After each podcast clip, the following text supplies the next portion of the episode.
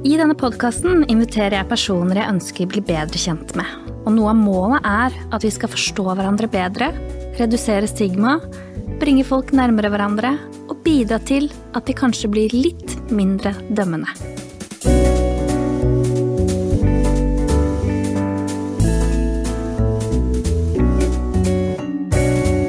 Du lytter til Snakk med Silje. Og velkommen i dag til dagens episode av Snakk med Silje. I dag har jeg besøk av Aleksander Linkowski. Eh, Han laget for litt siden en YouTube-video eh, hvor han gikk ut og sa at han eh, for syv år siden angret på kjønnsskifte.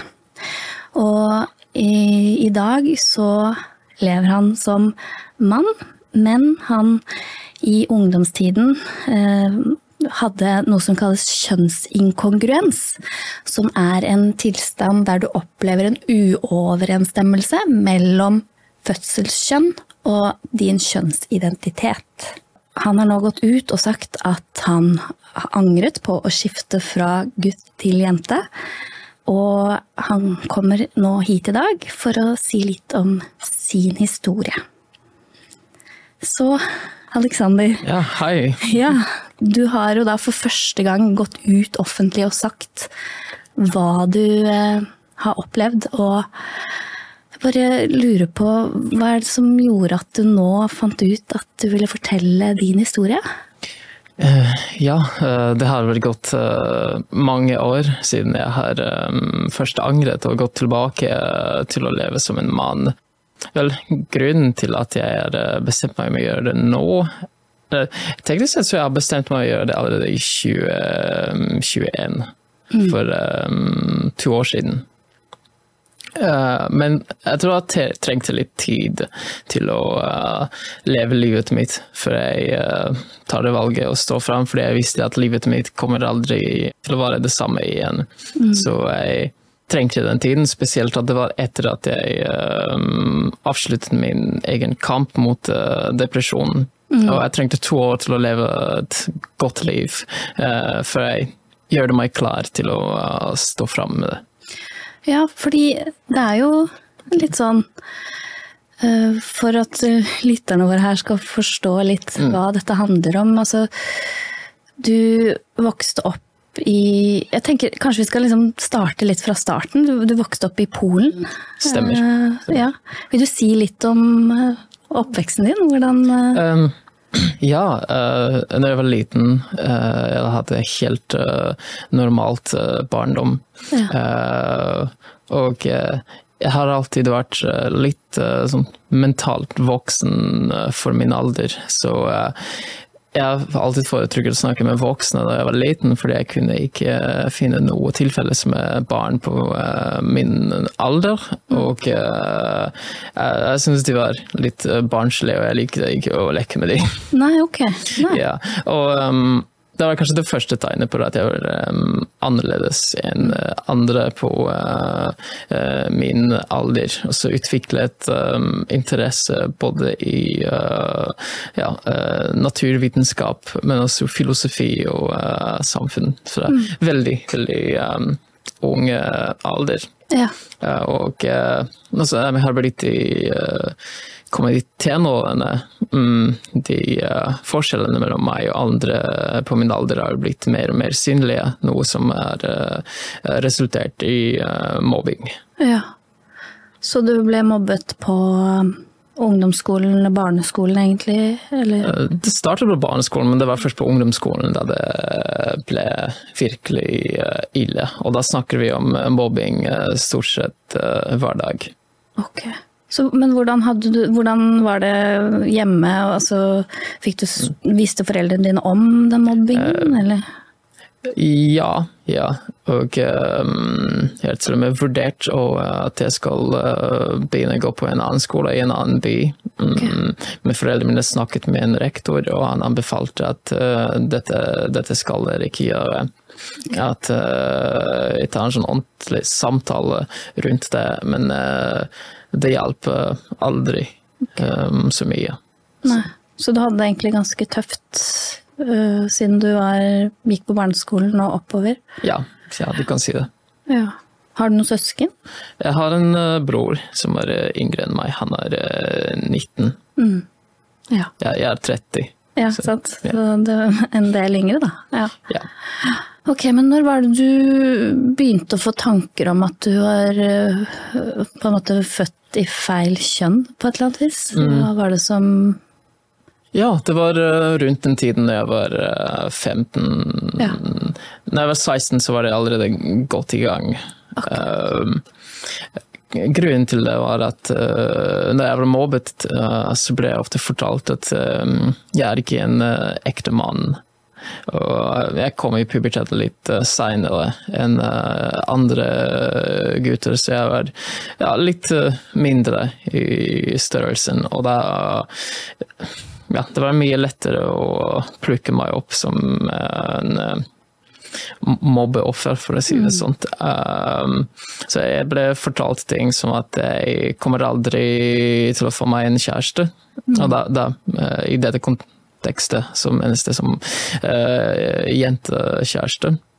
Og som var grunnen til at uh, for en veldig stor del av min uh, datinghistorie eh, så har jeg gjort det mest for å bevise at jeg kan det, framfor å eh, faktisk eh, bry meg om den andre personen. Eh, så eh, det er ikke kun det med kjønnsinkongruens som er eh, kommer det som et resultat av det, men eh, mange andre ting eh, i livet mitt som jeg har blitt eh, mye flinkere til å håndtere, og ikke minst se inn i meg selv og ha en slags introperspektivt analyse av meg selv. Og hvorfor jeg gjør ting jeg gjør. Ok, så Ja. du har på en måte nå blitt litt bedre kjent med deg selv og forstår litt bedre hva alt dette handlet om, på en måte? Ja, ja, ja, rett og slett. Det var uh, stort sett eh, de siste fem årene uh, der jeg har gravet litt uh, dypere inn i meg selv. Ja. Men hva var det som gjorde at du kom på tanken at man kan skifte kjønn? For det er jo litt sånn, ja du, du opplevde jo at ok, jeg passer ikke inn i de kjønnsnormene som er egentlig der hvor jeg bor på en måte. Det, det, det var som om du ikke passa inn i den kategorien mann eller ja, ung gutt.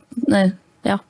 Ja, ja, nettopp. Um, du kan si Det er fordi jeg kan aldri oppnå um, opp, Å leve opp til uh, det som var forventet av meg uh, som uh, en mann. Og da tenkte jeg vel, kanskje det hadde vært lettere for meg hvis jeg hadde vært en kvinne. Ja. Da er det de egenskapene jeg har som folk hadde satt mer pris på. Um, ja, litt trist at det endte opp sånt, du kan si. Og um, samtidig så tenkte jeg også at uh, jeg er ikke verdt uh, det å være en mann, og det kommer fra en veldig sånn uh, sexistisk perspektiv. Fordi på dette tidspunktet tenkte jeg fortsatt at en kvinne er noe som er ikke på samme linje med en mann, men noe som er mindre verdt. Og Altså, jo, sexisme finnes fortsatt i samfunnet i veldig veldig uh, stor grad, uh, og det er noe jeg er veldig opptatt av, av kvinners um, rettigheter. Så jeg kommer fra et helt annet perspektiv i dag enn det jeg gjør det, men jeg vokste opp i et samfunn som uh, gjør det at jeg um, har fått en slik forståelse av en kvinne. Så uh, når jeg bestemte meg at uh, jeg vil bli en kvinne, så gjør det jeg um, litt for å straffe meg selv, kan du si. ja, så var det en sånn selvforakt nesten. Ja, ja, ja, nett, nett, nettopp. nettopp. At, at jeg, er ikke, jeg, er ikke verdt, eller jeg er ikke verdt nok til å kunne identifisere meg som en mann, så, så, sånn at ja, da, en kvinne, da, da, da jeg liksom, blir jeg litt sånn lavere på rangstigen, og det er her jeg fortjener å være på et eller annet vis. Ja, det var nettopp uh, det jeg tenkte Ja. uh, internt. Um, kunne kanskje vært annerledes hvis jeg vokste opp i et annet miljø. Um, så uh, derfor er så mye av min kritikk er også rettet mot um, de mer konservative um, som har skapt uh, disse kjønnsnormene som ikke alle passer inn i. Nei, for det hadde vært lettere for deg hvis det var en aksept da, for at du kunne være en litt feminin Ja. mann, på en måte, eller Jeg vil ikke si at jeg har vært feminin. Nei. Uh, faktisk, jeg har bare ikke vært uh, noe særlig um, over the top uh, maskulin. Ja, så det var det at du var for lite maskulin. Ja, ja, ja. ja jeg, har, jeg har ikke vært uh, noe særlig femi, jeg har vært sånn, slik som jeg er i dag, Ja. jeg kan si. Ja, så det ble liksom lagt vekt på at ja, men du er ikke mann nok på en Ja, måte av de rundt deg. Det var liksom en forventning om at du skulle liksom se litt mer mandig ut, Ja, var det ja, det? Eller var det mer oppfør deg mer mandig? eller? Ja, det ja. var det en uh, tøffing som uh, hadde ikke noe imot å gå til en hvilken som helst person og banke dem opp. Akkurat. Ja, Uh, ja. så det var så, Men tenker du at det var mer andres forventninger til deg da, som gjorde at du tenkte at ja, men da bør jeg bli kvinne, mer enn at Ja. du hadde en sånn indre opplevelse av å være kvinne? Uh, det er et godt spørsmål, fordi jeg har ikke hatt den opplevelsen at jeg ble født i feil kropp før det. Nei. Men uh, jo mer jeg ble opptatt av den tanken at jeg bør uh, bli født en kvinne, Ja. uh, som gjør det at jeg har utviklet en følelse at jeg ble født i en feil kropp. Ja. Så jeg begynte å hate min egen kropp uh, på grunn av det. Og uh, alt det uh, som gjorde meg maskulin, er noe jeg fullstendig foraktet og ville endre med meg selv. Så uh, til slutt, um, selv om veien min til det var annerledes enn f.eks. en person som opplever kjønnsinkongruens fra veldig ung alder, resultatet ble det samme. Ja. Men var det sånn at du lærte på skolen om kjønnsinkongruens f.eks.? Eller var det andre steder du fikk informasjon om dette fra? Eh, det, var ikke på skolen. Du kan si at um, alt opplæring rundt uh, sex og kjønn i Polen er ikke i nærheten til hvordan man gjør det i mer uh, liberale land. Så um, vi lærte blant annet at um, man skal ikke ha sex før ekteskapet, eller uh, hvis du onanerer, så går du til helvete. Uh, noe som egentlig skaper veldig usunt forhold til um, ja, vår egen kropp og uh, vår egen seksualitet, og uh, skaper skam. Og det, det er det store problemet med um, sexopplæring på skolen. Det er så vanskelig å finne den balansen. At mm, du enten går altfor konservativt, eller så går du altfor liberalt og mm, lærer ja, men eh, det gjør deg ikke noe hvis du eh, har 100 partnere i uka. Eh, Da tar man ikke til betraktning at dette kan også eh, påvirke oss eh, psykologisk på en negativ måte. Og kan gjøre det vanskeligere å bygge tilknytning til andre personer. Mm. Eller som eh, at ja, skal man enten satse for strenge kjønnsroller, eller til eh, fullstendig ontologisk kaos hvor alt kan være hva som helst, og du kan identifisere deg som mm, hva som helst. Hvor finner man denne balansen? Ja, for i Norge, når du går i tredje klasse her, så lærer du jo egentlig at du kan velge hvilket kjønn du vil være. At, at det liksom er en sånn del av opplæringen i skolen. Da. Og, og intensjonen med det er jo nettopp kanskje å um, hjelpe barn til å ha en større aksept for ulike uh, kjønnsidentiteter og, og sånne ting. Um, Blant annet så står det kjønnsidentiteten din er din egen tanke om hvem du er og hvordan du ser på deg selv. Eh, Du kan tenke på deg selv som gutt eller jente, eller ikke vite helt. Du kan velge å bli kalt han, hun, eller hva du vil. Babyer kan ikke fortelle om de føler seg som gutt eller jente. Legene bestemmer hvilket kjønn babyen har ved å se om de har jentetiss eller guttetiss. Men klær, hårfrisyre, hva du leker med og hva du gjør kan vise hvilken kjønnsidentitet du har. Det kan vise om du føler deg som en gutt eller en jente eller ingen av delene. Hva du viser kan være likt eller forskjellig fra hvilket kjønn du har. Hva tenker du om det? Hva, hvis du hadde lært det på skolen, hvordan tror du det ville påvirket din uh, kjønnsidentitet? Vel, jeg kan ikke vite med um, sikkerhet, men får meg til å tenke litt på um, hestesko. Uh, teori, hvor de ja. ytre kantene har meldt tilfeller med hverandre enn man vil tro. Ja. Og det kan hende at nettopp sånn type opplæring av kjønn hadde ført til at jeg hadde utviklet kjønnsinkongruens på samme måte som de strenge forholdene rundt kjønnsnormer har gjort. Ja. Og det ser man også med Eh, du nevnte, at man kan se hvilke kjønn man identifiserer seg som med hår og, eh, og klesstil og sånt. Går vi ikke tilbake til um, en slags arketypisk forståelse av kjønnsroller? Uh, så vi har på en måte gått en full sirkel. Um, når det går i den andre retningen, til det punktet hvor du kommer akkurat der hvor du var i begynnelsen. Mm. Og da kan jeg så komme tilbake med det jeg har snakket om, hvor vanskelig det er å finne den balansen når det gjelder uh, opplæring om uh, sex på skolen. Uh, jeg syns det er viktig å la barn være i fred og uh, utvikle sin egen identitet og seksualitet på egen måte. Og da ser vi at både progressive og konservative uh, prøver så hardt å påvirke barn til å bli akkurat sånn som de vil, hvor barn blir ikke lenger sett på som individuelle mennesker med en slags battlefield mangel av norsk ord. Mm. Min norsk er dårlig, beklager. um, og eh, ja, jeg syns la barn være, være, seg selv, og de finner ut av det på egen hånd på en måte som er naturlig for dem, eh, fremfor å prøve å påvirke eh, deres oppvekst i så stor grad. Og da tenker jeg også litt på det fenomenet med ikke-binær Mm. Og høyresiden er veldig, veldig uh, kritisk mot det. Men uh, jeg vil komme med et helt annet perspektiv, for jeg syns at det fenomenet er ikke nødvendigvis en uh, så ille ting som man vil tro.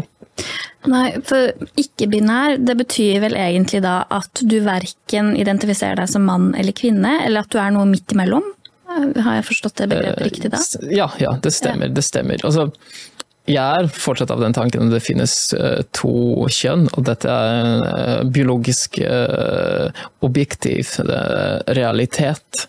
Men Kanskje denne utforskningen rundt kjønn, når man tilegner seg eh, ikke-binære identiteter, er sunnere enn eh, medisinering med budsjettblokkere eller hormoner.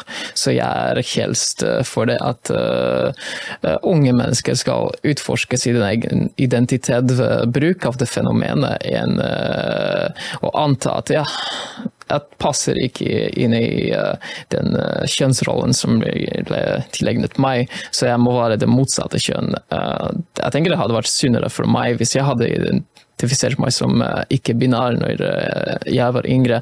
Da hadde jeg ikke gått gjennom de hormonelle og kirurgiske inngrepene som jeg har gått gjennom. Mm. Så egentlig det du sier er at det hadde vært bra om det var en større eller at, at, at, kanskje Norge og Polen er i litt sånn ytterpoler, og at det har vært fint å møtes et sted på midten, da, hvor det var mer aksept for at man kan uh, være at man ikke er, liksom, pass, nødvendigvis passer inn i den kjønnsnormen på ene eller andre siden, men at det er aksept for at du kan være akkurat hvem du er. Du kan være um, ja, feminin, maskulin, whatever, liksom. Og, men du er fortsatt det fødselskjønnet du har, da, på et eller annet vis. At man ikke skal trenge å måtte gjøre noe eh, kirurgisk eller medisinsk for å endre på biologien på et eller annet vis. da. Uh, ja, ja, ja. Uh, jeg står absolutt for det. Men uh, det finnes unntak, fordi når man har sånn intens følelse av kjønnsdysfori eller mhm. kjønnsinkongruens fra ung alder, um, da hjelper det ikke at du bare er deg selv i måten du kler deg på eller måten du oppfører deg på. Fordi mm du eh, altså for deg er ukomfortabel i denne kroppen, så det er også problemer med det biologiske. Så det er ikke eh, bare på sosialt nivå, så det er et uh, mye større problemstilling med flere lag enn ja. kun det sosiale. Men for mange ja. uh, mener jeg at kun å endre på det sosiale hadde gjort det uh, mulig ja. å ikke gå gjennom pubertetblokkere eller hormonene. Og det med aksept. Um, det blir mye vanskeligere å få til når uh, folk beveger seg stadig mer i den ene retningen eller den andre retningen. Det blir mye vanskeligere i å uh, møte et slags midt punkt. Mm, mm. Um, ja, for du anerkjenner jo at det er noen som absolutt burde kunne ta hormoner og gjennomføre operasjoner, på en måte. Det er ikke sånn at du tenker at eh, fordi du nå angrer deg i dag, så blir det feil at man skal gjennomføre noe sånt på unge mennesker? Um, vel, ja, jeg er uh, av den tanken at vel, min uh, historie gjelder ikke alle Nei. som uh, har kjønnskongruens, og ikke alle som er trans. Men det er mange flere av oss som angrer enn det man tidligere har trodd. Og det er også nyere forskning som viser at det kan være opptil 30% som angrer i løpet av de første årene. Mm. Og de fleste av de som angrer tidlig, er menn. Det er sånn nesten uh, 40% uh, 20, jeg tror det var 20 forskjell mellom uh, menn og kvinner som angrer i, tidlig etter at de har startet med uh, hormoner. Og jeg tror mye av det har å gjøre med det at det er noen menn som uh, ønsker å gå gjennom kjønnsskifteprosess fordi de tjener på tanke av seg selv som en kvinne. Gjorde du det? Nei, nei. nei. Og det fenomenet heter autogenefili. Ja. Og det er en god del uh, menn som er det. Uh, hvis du besøker uh, f.eks. geise.no, mm. så finner du mange menn, menn, i forskjellige aldersgrupper som kler seg i, i en sånn veldig erotisk uh, kvinnestil. Og da vet du at dette handler ikke bare om uh, Eh, det er jo eh, bli oppfattet sosialt som en kvinne, men det er også noe uh, seksuelt uh, som ligger der. Mm. Og noen av de velger å gå gjennom uh, kjønnsskifteprosess. Og da angrer de ganske tidlig, fordi når hormonene kommer inn, østrogen gjør at en libido går ned, og du ikke lenger tjener tenner på det. Så du mister interessen for det fullstendig. Ja. Så da slutter med det, og mm. testosteronnivået går opp, og så begynner du å tjene på det igjen, og det er en forferdelig vanskelig uh, situasjon å befinne uh, seg i, og jeg har sympati for de menneskene. Mm. Uh, så jeg, jeg synes vi bør ikke stigmatisere det, men helst um, se på de som mennesker som trenger uh, hjelp, mm. Ja, men du, begynte du på noen sånn pubertetsblokkerende medikamenter uh, på da du var sånn Da du bestemte deg for å, at du mm. ønsket å bli det motsatte kjønn? Uh, nei. Uh, mest fordi uh, meg og foreldrene mine vi hadde en avtale at når jeg er 18, så kan jeg gjøre hva jeg vil. Ja. før det så fikk jeg ikke lov til det, så jeg har ikke forsøkt å gjøre noe som helst før jeg var 18. Okay. noe som jeg takknemlig for. Uh, fordi det er også veldig viktig for både utvikling av bein og utvikling av uh, hjernen og identitet å gå gjennom en uh, naturlig uh, pubertet. Mm. Noe som uh, man ofte ignorerer når man promoterer bruk av pubertetblokkere for, for, barn. Ja, Men man kan jo da forhindre, da, hvis du vet veldig tidlig da, at du er en jente, så kan du jo ved å forhindre puberteten unngå å få disse mannlige trekkene, da, på en måte. Så det er jo litt sånn vanskelig problemstilling, akkurat det, på et vis, da. absolutt. Jeg tenker det er ikke så uh, svart og hvit. Og um, uh, ja, jeg tenker det er spesielt uh, sant for biologiske menn mm. som føler seg som kvinner, eller oppfatter seg selv som kvinner. fordi um, de mannlige trekkene man utvikler i puberteten, er mye vanskeligere å bli kvitt enn eh, de kvinnelige eh, trekkene man utvikler i puberteten. Så jo tidligere du eh, begynner, jo bedre resultater får du. Mm. Og når du får bedre resultatene, så kommer du mest sannsynlig til å oppleve mindre diskriminering i samfunnet hvis du blir oppfattet som en kvinne framfor mm. en mann i kjole mm. Eh, eksempel. Ja. Samtidig, mm. samtidig Uh, må vi også ta til betraktning uh, at det er bivirkninger av pubertetblokkere. Stor risiko for å bli steril. Mm. Um, ja, utvikling av bein og, eh, og, hjernen som eh, blir ikke tatt til betraktning når man driver med det. Og ikke minst eh, å tenke at en penis gror ikke hvis man ikke går gjennom den naturlige puberteten. Mm. Ja, og om man i fremtiden bestemmer seg for å ta en uh, operasjon uh, for å få kvinnelig kjønnsorgan, eller falske kvinnelige kjønnsorganer, vil jeg si, fordi um, det er umulig å, uh, å skape uh, kjønnsorganer med kunstige metoder. Uh, men da får de ikke nok lengde til å kunne lage skjede ut av det. Mm, ja, Som, så Det kompliserer jo på en måte kjønnsoperasjonen i ettertid hvis du har hoppet over puberteten? på en måte. Absolutt. absolutt. Og uh, hvis man går ikke gjennom den naturlige puberteten, blir det også umulig for mange å oppnå eh, orgasme. Ja. Man kan aldri bli uh, tilfredsstilt seksuelt hvis du mm. begynner med pubertetblokkere og går på syntetiske hormonene, fordi kroppen din vet ikke hvordan du får det til. Nei, og, og, da um, ja, å leve med det at du kommer mest sannsynlig aldri til å bli seksuelt tilfredsstilt for resten av livet ditt. Um, så det er ikke et valg man skal bare hoppe rett Nei. inn. Nei. Eh, Nei, Da er det veldig viktig med riktig informasjon, sånn at man er klar over disse tingene. Men, men, et barn vil jo på en måte aldri egentlig ha noe forhold til ja, hva er en orgasme sånn.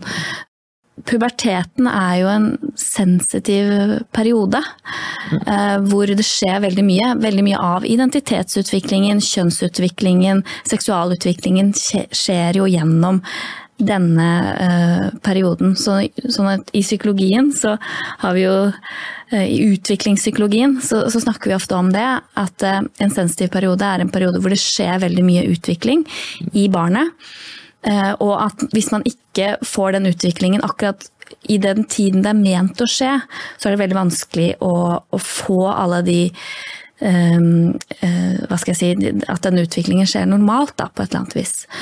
Sånn at da blir det jo veldig viktig da, å informere disse unge menneskene, eller disse barna egentlig, for du er jo barn uh, før pubertet, um, at, at, det er en del bivirkninger av det. Da, at de kanskje aldri får den um, seksuelle nytelsen som man kan få ellers, og at man kanskje kan få problemer med å bli mamma eller pappa når man blir uh, eldre. Uh, og at rett og slett, ja, det skjer jo noe med hjernen vår, og det også er osteoperiose, altså sånn benskjørhet, det er vel noe ja. som man kan ja. også få hvis man utsetter puberteten. Nettopp, nettopp. Så, så, det tenker jeg at informert samtykke der, og at foreldrene forstår av hvor store konsekvenser det kan få for disse barna å hoppe over en sånn viktig periode. og og det er jo ikke uvanlig at ungdom er litt sånn forvirra. Mm. at, at det, puberteten er jo veldig krevende og har veldig mye vonde og vanskelige følelser med seg. Og, og um, ja, og det, det, er vel delte meninger om da um, hvordan det vil være da å gjennomgå pubertet som det motsatte av det kjønnet du egentlig ser deg selv som å ha, på en måte. Men, men men du gjennomgikk jo puberteten. Ja, ja, ja, stemmer. For jeg har ikke begynt med hormoner før jeg var uh, eh, 19. Ja. Først begynte det bare som en tanke at jeg hadde blitt mer akseptert hvis jeg hadde vært en kvinne. Og uh, etter det ble det mer sånn at jeg følte meg ukomfortabel i min egen kropp som en mann. Og uh, etter hvert begynte jeg allerede å tenke på meg selv som at jeg er allerede en kvinne. Det er bare uh, kroppen som ikke stemmer.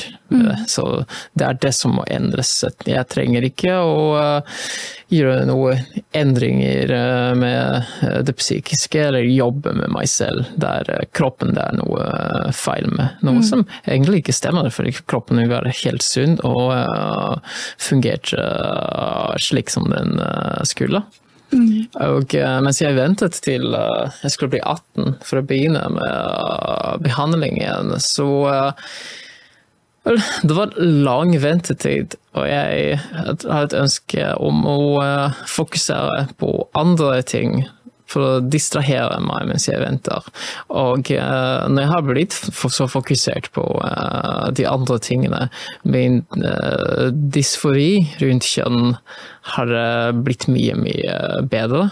Mm. enn det var før, som jeg, jeg ikke lenger tenkte på det mm. i like stor grad. Jeg tenkte fortsatt jo, jeg skal gjøre det, men det var ikke noe som jeg var sånn opptatt av hele tida. Som jeg var rundt den tiden da jeg var 15-16. Mm. Så når du var sånn 15-16, så var liksom det den eneste Det eneste du tenkte da at kunne hjelpe deg, da, var at når du blir 18, da kan du Da blir alt mye bedre, på en måte? Ja, ja. Eh, og som sagt, selv om jeg kjente ikke så mye på den dysforien lenger, så var jeg fortsatt overbevist at det er noe jeg må gjøre. Ellers så uh, kommer jeg til å være ulykkelig for ja. uh, resten av livet.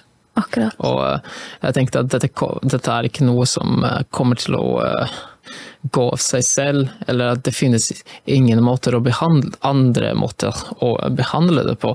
Og det er ofte det vi blir fortalt, at um, hormonell behandling og kirurgi er eneste måte å behandle kjønnsinkongruens på. Mm. Uh, når jeg vet at det er mulig å, uh, å, overkomme de følelsene på egen hånd. Men, men også sikkert mye lettere når man gjør det i, i samarbeid med en uh, psykolog, terapeut f.eks. Mm. Og da er det ikke av den tanken at uh, den type terapi skal være tvunget, fordi det kan anses liksom konverteringsterapi, mm. men at det kan tilbys som et alternativ behandling. At uh, vi skal ikke fokusere kun på hormonell behandling som et eneste eksisterende alternativ. Det må bare snakke om det. At ja, det er mulig å akseptere deg selv. Og jeg er ikke den eneste som har opplevd det at uh, kjønnsinkongruens er noe som kan forsvinne når du uh, blir voksen. Nei. Det er mange flere som opplevde det samme. Både uh, andre folk på YouTube som har lagt ut de videoene, men også folk som jeg har uh, snakket med. Fordi jeg har snakket med over 100 uh, eh, folk som har angret på mm. i løpet av de siste tre ukene. Så okay, jeg har hatt uh, perspektiver. Mm. Um, som tyder enten på at det er noe som forsvant i løpet av 20 årene, eller at de har jobbet med å akseptere seg selv, osv. Mm. Mm. Men når du da ikke var klar over at det var mulig å kanskje få uh, bli fri for den kjønnsdysforien da du var 15 år, um, hadde du noen tanker om at du ønsket å dø, eller hvordan, hvordan, liksom, hvordan så du på deg selv og mm. verden da, når du, du satt der som 15-åring og måtte vente til du var 18 før du kunne gjøre noe med disse følelsene av å egentlig være kvinne i en mannekropp, da? Mm. Uh, nei, så jeg har aldri hatt noen selvmordstanker uh, rundt uh, dette temaet. Så nei. det var mer sånn at jeg hadde et ønske om å være det, men det var ikke sånn at hvis jeg ikke var det, så Det eneste alternativet er nok å ta mitt eget liv. Jeg har aldri tenkt sånn eneste to ganger i løpet av livet mitt hvor jeg faktisk tenkte på det, var eh, først og fremst under mobbing. Når det har blitt så ille at jeg tenkte enten å ta mitt eget liv, eller ta livet til eh, alle de menneskene jeg gikk på skolen med. Ja. Eh, det høres veldig grusomt men Mm. ja. det var så jeg tenkte når du um, presser meg til det punktet mm. når man begynner å tenke sånn. Det er som Jeg tenkte du sparker en hund Mm. hele tiden og gjør det. Ja, fy, ikke bli overrasket at den biter etter hvert. Nei. Når den blir så desperat. Ja. Når den tenker ja, nå er livet mitt i fare, hva skal jeg gjøre? Mm. Og uh, nei, jeg er glad for det. jeg har ikke gjort uh, noe dumt, for å si det sånn. Ja, sant. Så du var, var veldig fortvila. Det var selvfølgelig så er det klart at du bygger opp en sånn aggresjon inni deg da, når du dag ut og dag inn blir eh, mobbet og hakket på, og, og du er egentlig veldig alene med det også, og sitter hjemme og og, og, og spiller, eller Ja. Men Ja. Og foreldrene dine visste det, men de var liksom maktesløse i det, de òg. For det var liksom ikke så lett å finne ut av hvordan de kunne hjelpe deg Ja, på det hvordan, tidspunktet. hvordan håndterer man den situasjonen? Og uh, uh, de har hatt medfølelse for meg, de visste at jeg, uh, jeg hadde det dårlig. Mm. Så de er, de er gode foreldre, for å si sånn, jeg er veldig glad i dem. Ja. Men det er ikke alltid man vet hva man gjør i en sånn situasjon. Når du nå liksom ser for deg deg selv eh, i den perioden der, hva er det du tror du hadde trengt isteden for eh, Altså, hva, hva tror du du egentlig hadde trengt fremfor å skulle Hva, hva kunne hjulpet deg istedenfor den tanken om at du For det virka som at det var en litt sånn beskyttende tanke, en litt sånn eh, At det, det hjalp deg litt å tenke at ja, men når jeg blir 18, da kan jeg bli kvinne, og da vil alt løse seg, på en måte. Ja. Eh, Hva, hva hadde du trengt da du var ungdom? Det, det det er et eh, godt spørsmål, og um, når du kommer fra det perspektivet å være trans, så tenker du selvfølgelig at den eh, hormonelle og kirurgiske behandlingen er det beste for deg, og det du faktisk trenger. Men uh, ja, hva Altså Hvis noen hadde sagt til meg at uh, nei, du, uh, du er jo psykisk syk, du trenger hjelp, um, jeg tror ikke jeg hadde respondert noe særlig varmt til det, og det hadde ødelagt en mulighet for å ha en dialog og uh, bygge en bro for å få den hjelpen jeg trenger. Men hvis jeg hadde blitt fortalt at jeg kan være akseptert som jeg var som en mann, og at jeg uh, kan ha de egenskapene jeg har uten at jeg trenger å være en kvinne, det hadde gjort en mye, mye, mye større forskjell. Ja, for det må jo ha vært en veldig stor fortvilelse. Absolutt. Og, og, og, for hvordan var denne mobbingen da? Altså det var, du ble mobbet for at du var for lite maskulin? Eller, Ja, ja, eller var det andre ting? Altså var det fysiske mot deg? Hvordan Ehm, altså, det, det var en av de grunnene, men uh, også det at jeg hadde så lite uh, til felles med dem.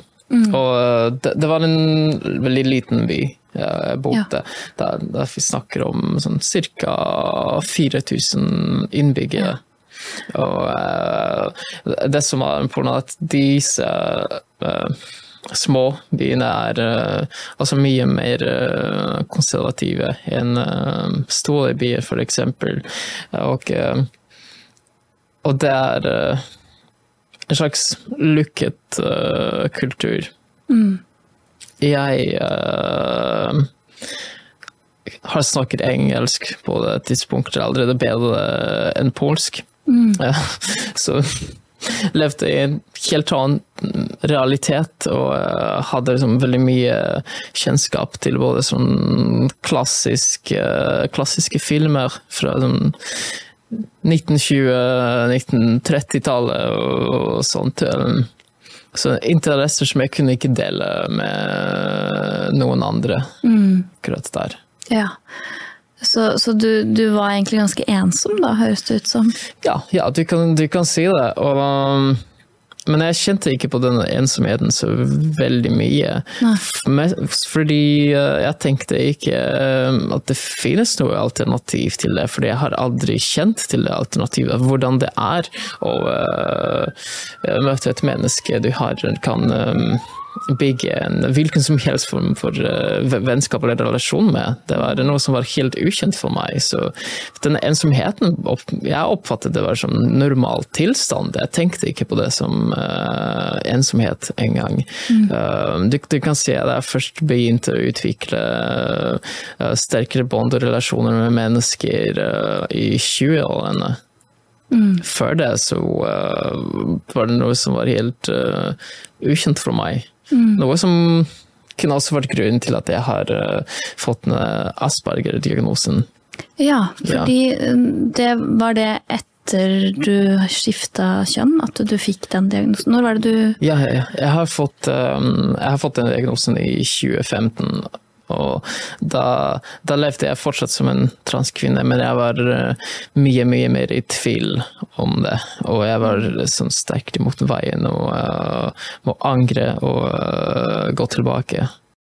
Vil du si noe mer om den forskjellen du opplevde da du kom til Norge? For det, her er det jo litt annerledes. Vi har jo ikke de samme hva skal jeg si, konservative eller rigide kjønnsnormene. Eh, så ja. Ja, ja, det var uh, en helt uh, motsatt opplevelse, og jeg har aldri fått noe uh, form for mobbing her i Norge. I hvert fall da jeg gikk på videregående. Mm.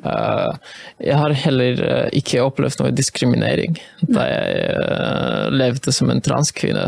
jeg kan ikke si at jeg har klaget på noe. Nei. jeg tror transmennesker har det mye lettere enn uh, det man tror. Det har i hvert, fall her.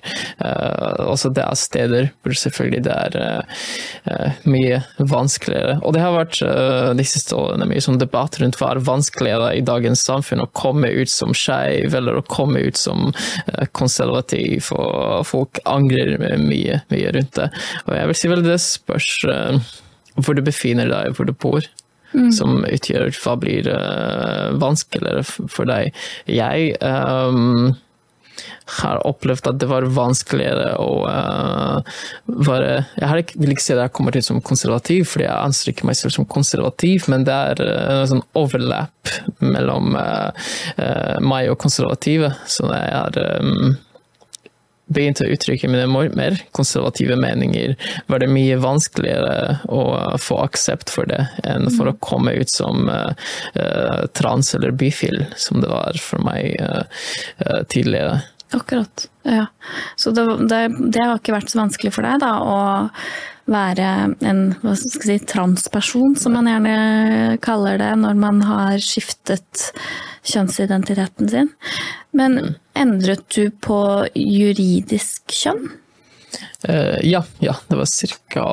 tre måneder etter at jeg begynte med østrogen. Ja, og Hvordan var det du fikk begynt med østrogen? Først så var jeg i kontakt med en uh, psykolog på helsestasjonen for ungdom i Skien. Ja.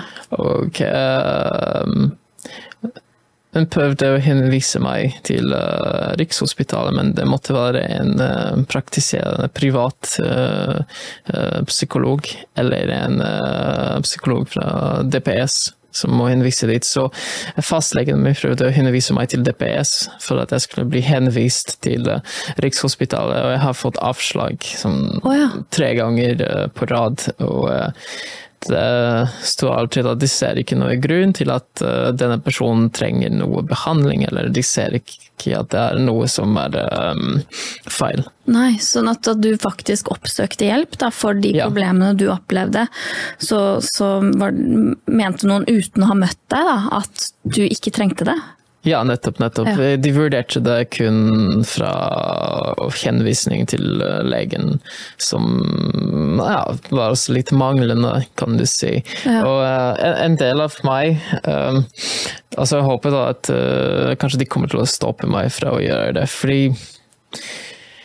slik jeg kan sammenligne min situasjon som når jeg hadde kjønnsinkongruens og ville få tak i hormoner. Jeg følte meg litt som en narkoman mm. som vil få tak i uh, uh, dop. Mm. Uh, for eksempel, la, la, oss si morfin. Mm. Og du lyver til helsevesenet at ja, du har sånne, sånne smerter, mm. og at uh, du må få tak i uh, morfin for at det skal være lettere for deg å håndtere hverdagen. Og du vet at det du gjør er feil, men det er fortsatt en slags indre driv som uh, gjør at um, du gjør det. Og innerst inne så håper du at de stopper deg. Ja. Men på grunn av at ja, det norske samfunnet er så aksepterende. De har aldri spurt meg om det er feil valg for meg. Og da snakker jeg ikke om, om, om, DPS, for jeg har aldri vært i kontakt med DPS, og jeg har aldri kommet meg til uh, Rikshospitalet heller. Men jeg snakker om de sexologene i Norge som jeg har vært i kontakt med seinere. Og det var både og Ja, hvordan kom du i kontakt med de, da? Uh, gjennom den sexologen i Skien. Ok, sånn at du du eh, prøvde å få hjelp, og så fikk du på en måte ikke noen ordentlig utredning eller noen som hadde den eh, nysgjerrigheten da, på hvorfor du ønsket å eh, skifte kjønn. Det var en sånn aksept for at ja, men du vet best, på en måte, da, og du vet at du egentlig er en kvinne, og da mm. skal de på en måte ikke stille noe spørsmål ved det, på et vis. da. Eh, det er vel litt den holdningen vi har hatt ja. i Norge, at, at, man skal ikke gjøre det. For det er litt sånn stigmatiserende på en eller annen måte. Eller da er det som om vi ikke tror på din opplevelse mm. på et vis. Du burde jo fått en utredning. Eh, for eh, å finne litt sånn For å kunne diagnostisere på en måte eh, da må man ha en differensialdiagnostisk vurdering også. Da. Hva, hva er liksom det som driver denne kjønnsdysforien, på en måte. Hva er det som gjør at du ønsker å skifte kjønn? Og for deg så var det jo litt forventningene fra samfunnet på et eller annet vis. At du, du ønsket å passe litt mer inn, og du tenkte at du passet mer inn som en kvinne. Var det, var det liksom, Har jeg forstått det riktig, eller? Ja, ja, ja. Du har forstått det riktig, så um... Så hvis noen hadde spurt deg om det, så hadde man kanskje kunnet avdekke litt sånn Kanskje det er andre måter å ja, ja um, det er også litt min feil, kan du si, fordi jeg har også ikke vært ærlig om mm. min fortid med mobbing, og hva grunnen til at jeg ønsket, ønsket å uh, bli en kvinne var. Ja, for det må ha vært veldig fortvilende den perioden, da? Ja, og jeg, vel, på den ene siden så ønsket jeg å glemme denne perioden i livet mm. mitt, mm. og uh, på den andre siden så visste jeg at hvis jeg snakker om det, så kommer de kanskje til å tvile um, at dette er beste løsning for meg, ja. og du vet det er sånn, du lyver. Akkurat som en narkoman for å få tak i det stoffet du ja. vil få tak i. Ja. Uh, så du, du, var liksom redd for at hvis jeg er ærlig og åpen om disse psykiske vanskene jeg har hatt gjennom ungdomstiden, så, så vil jeg kanskje ikke få den behandlingen som jeg selv tenker at er best for meg. Ja. ja, ja, nettopp. Og det er derfor jeg syns at den eh, type behandling hvor du eh, bekrefter pasientens identitet, kun ved det pasienten sier, kan ha farlige konsekvenser. Og som du sier, tidligere har uh, vært en annen diagnose. Uh, den henvisningen som Espen Benestad uh, skrev, som jeg sendte til kirurgen i Thailand, der står det under diagnose transseksualisme.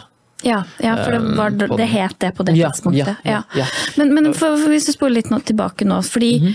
du hadde fått Du fikk da hormoner fra helsestasjonen, forstår jeg det riktig? Eller uh, fikk du hormoner fra? Nei, nei, nei. nei. Det, var, uh, det var i Polen jeg fikk de, for jeg um, tok en tur til Polen da jeg var 19. Uh, for å komme i kontakt med en lege. Og det er siden vel, jeg klarte ikke å komme i kontakt med Rikshospitalet, og jeg tenkte vel jeg har polsk polsk statsborgerskap, mm. så jeg har like krav til behandling der nede som okay. jeg har, uh, har. Og uh, så fant jeg en lege eh, der som har jobbet med uh, flere uh, transpersoner. Så jeg tenkte ja, det, det er en erfaren person som vet hva han gjør. Ja. Og jeg var ikke klar over uh, selve diagnostiseringsperioden. Og hva som uh, trenges for å kunne eh, stille denne diagnosen. Så uh, det som skjedde, rett og slett at jeg uh, hadde en time med han det var på en mandag, og eh, fredag den samme uke har jeg fått resept eh, på antiandrogen, som er um, pubertetblokker, og eh, østrogen. Ok. Ja, så da, da begynte du på det etter én time med en fagperson, og du hadde ikke før denne timen egentlig snakket så mye utover med en psykolog på helsestasjonen. Ja. Ja, hvor mange samtaler hadde du med den psykologen på helsestasjonen da? Én. Én samtale En der? samtale med psykolog på helsestasjonen. Um, en, eh, to, samtaler med den legen i Polen, for jeg har fått uh, hormoner. Ja, og da hadde du ikke snakket med noen eh, fagpersoner om alt, alt det vonde og, og traumatiske du opplevde Nei. gjennom perioden? Nei, for jeg kom meg aldri til noe terapi. Og eh, jeg, jeg har nevnt litt til den psykologen på helsestasjonen at jeg har hatt litt fortid med mobbing, men jeg har ikke gått særlig i, i detaljene. Først så tenkte jeg at vel, det, eh, ja, blir litt rot å få tak i hormoner fra utlandet hele tida, og hvor lenge skal jeg holde på med det? Eh, Så planen var at vi prøver igjen å bli henvist til eh, Rikshospitalet. Ja. Og det er der jeg kom i kontakt med en privatpraktiserende psykolog og sexolog. Mm. Og hun skulle henvise meg til uh, Rikshospitalet. For det var også viktig for meg å uh, ta den operasjonen. Mm. Uh, så det er altså grunnen til at jeg oppsøkte denne psykologen. ja. Og uh, det er gjennom henne da jeg kom i kontakt med Espen Benestad. Ja, så, du, så han ble involvert da gjennom denne psykologen og sexologen? Ja, det er, det er slik jeg fant ut at det er andre måter å få tak i hormoner på enn eh, bare eh, Rikshospitalet. Ja. Hvor mange samtaler hadde du med denne uh, privatpraktiserende psykologen og sexologen? Um, tror det var tre til sammen. En som introduksjonstime jeg hadde med henne. Eh, en eh, hvor eh, moren min var også med på det, og hun intervjuet moren min. Og ja, i praksis har det også en god metode å få testimoni fra foreldrene for å finne ut om det pasienten sier stemmer. Ja. Men siden moren min visste ikke så veldig mye om hva som foregikk i hodet mitt mm. da jeg var åtte 2008 eller 12 eller 15, så var det mye sånn ambiguøst der som eh, uh, jeg mener var ikke tilstrekkelig nok for å sette en diagnose, og eh, ikke engang snakke om eh, planlegge behandling, men mm. antageligvis så var det nok. Så på den tredje timen har hun invitert Benestad over, så mm. Benestad var med på en av våre samtaler. Ja. Og det var sånn jeg kom i kontakt med Benestad, og har vært uh, hos Benestad uh, i Grimstad etter det, og har fått uh, østrogen fra han, og uh, henvisning til uh, operasjon, eller uh, det kalles egentlig sånn anbefalingsbrev, fordi det er ikke sånn at det var uh, Benestad som sendte en henvisning til eh, kirurgen. Benestad har skrevet den og sendt den til meg, og det var jeg som eh, sendte den til eh, kirurgen. Ja. ja. Og det var i Thailand at du, du da reiste for å ta den operasjonen. Stemmer. stemmer. Men, men hvordan var det? Fikk du god informasjon i forkant om liksom, positive og negative sider ved en sånn type egentlig ganske inngripende operasjoner? Eh, var det liksom en sånn kost-nytte-analyse? Altså, hvordan, hvordan fungerte dette når det var snakk om å faktisk operere bort kjønnsorganet ditt? Ja, um, du, du kan si at eh, jeg var klar over eh, noen eh, mulige mm, komplikasjoner, men det var ikke snakk om nok.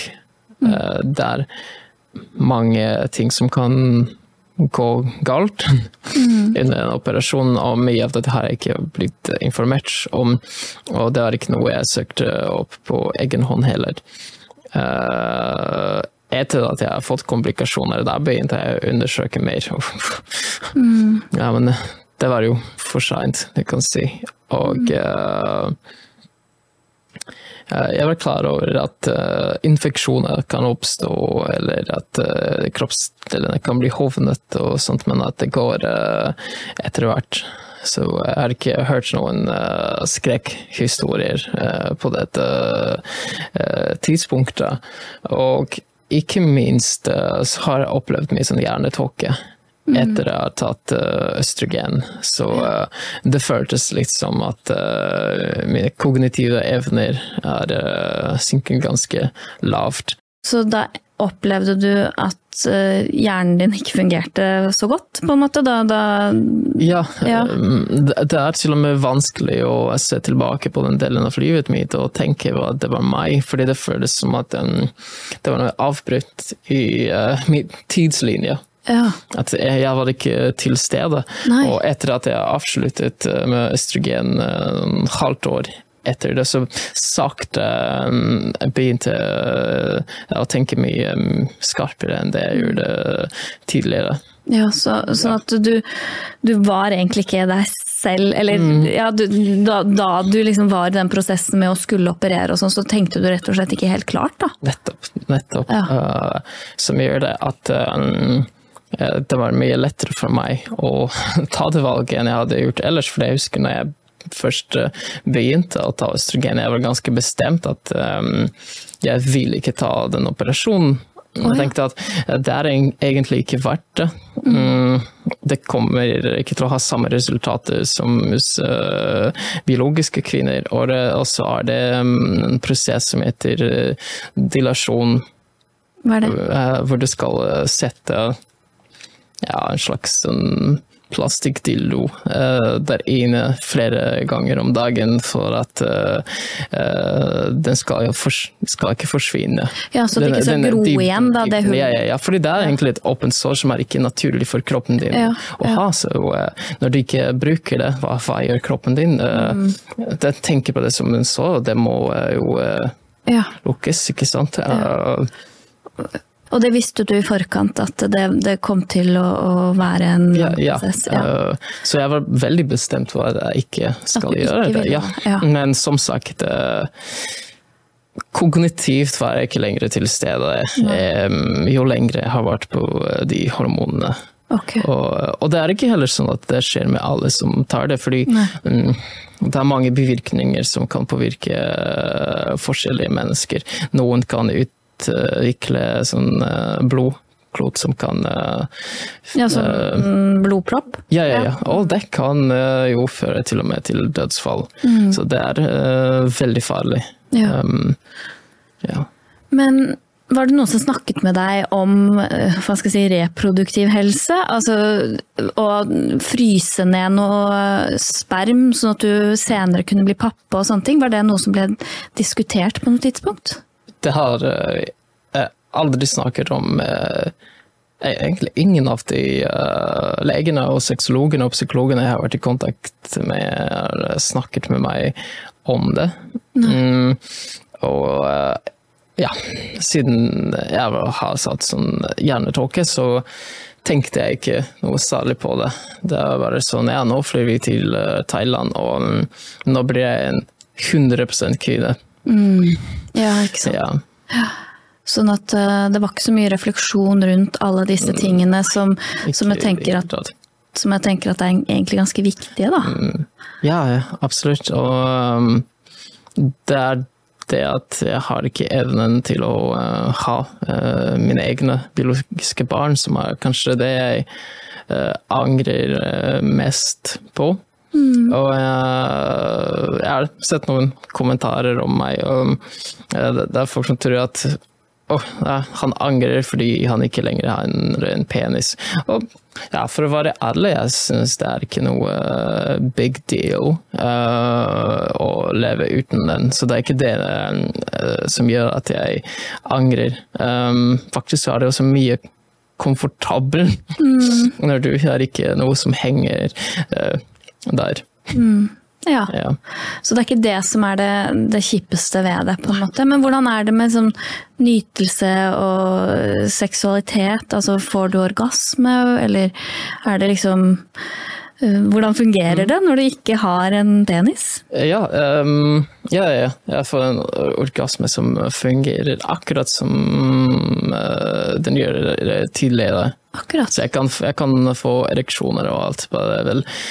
Fordi det er jo det samme stoffet, det samme materialet som finnes der. Det bare mm. virker litt annerledes, ja, men ja. oppleves akkurat det, det samme. Mm. Og eh, når jeg ikke går på noen hormoner som uh, testosteron, som jeg mm. bestemte meg at jeg skal gjøre, så er det sånn at um, det er ikke kroppen min som styrer når jeg blir eh, tent på noe, men at det er jeg som har denne kontrollen, ja. på en måte. Uh, når jeg går på testosteron, så er det mer kroppen som styrer, og det syns jeg kan være irriterende, egentlig. Ja. Og det er, det er bortkastet tid når jeg kan uh, bruke det på andre ting. være mer produktivt. Mm. Så nå går du ikke på noen hormoner, da, fordi det var egentlig litt plagsomt å gå på testosteron, for da hadde du liksom mindre kontroll på, øh, på det å bli seksuelt øh, opphisset, på en måte?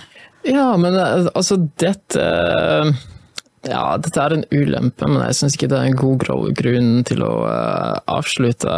Uh, det som var grunnen til at jeg avsluttet å ta testosteron, er fordi uh, vel, etter eh, en slik operasjon, og du produserer ikke naturlige hormoner, det finnes ikke noe sunt valg. Uh, hvis du tar uh, testosteron, uh, ja, har du økt risiko for hjertesykdommer, hjerneslag mm. f.eks. og mange andre bivirkninger som er ikke ønsket. Um, ja, fordi det er ikke naturlig testosteron, ja, ja, ja. for du produserer jo ikke det fordi og, du har fjernet det. Ja, og syntetisk testosteron er mer toksisk enn østrogen, så Akkurat. med tanke på min helse så hadde det vært mye mer fornuftig å uh, ta østrogen istedenfor mm. For testosteron, men uh, det vil jeg selvfølgelig ikke ta. Jeg kommer ikke til å gå tilbake der hvor jeg var, og um, jeg har heller ikke ønske om å få hjernetåke igjen. Nei.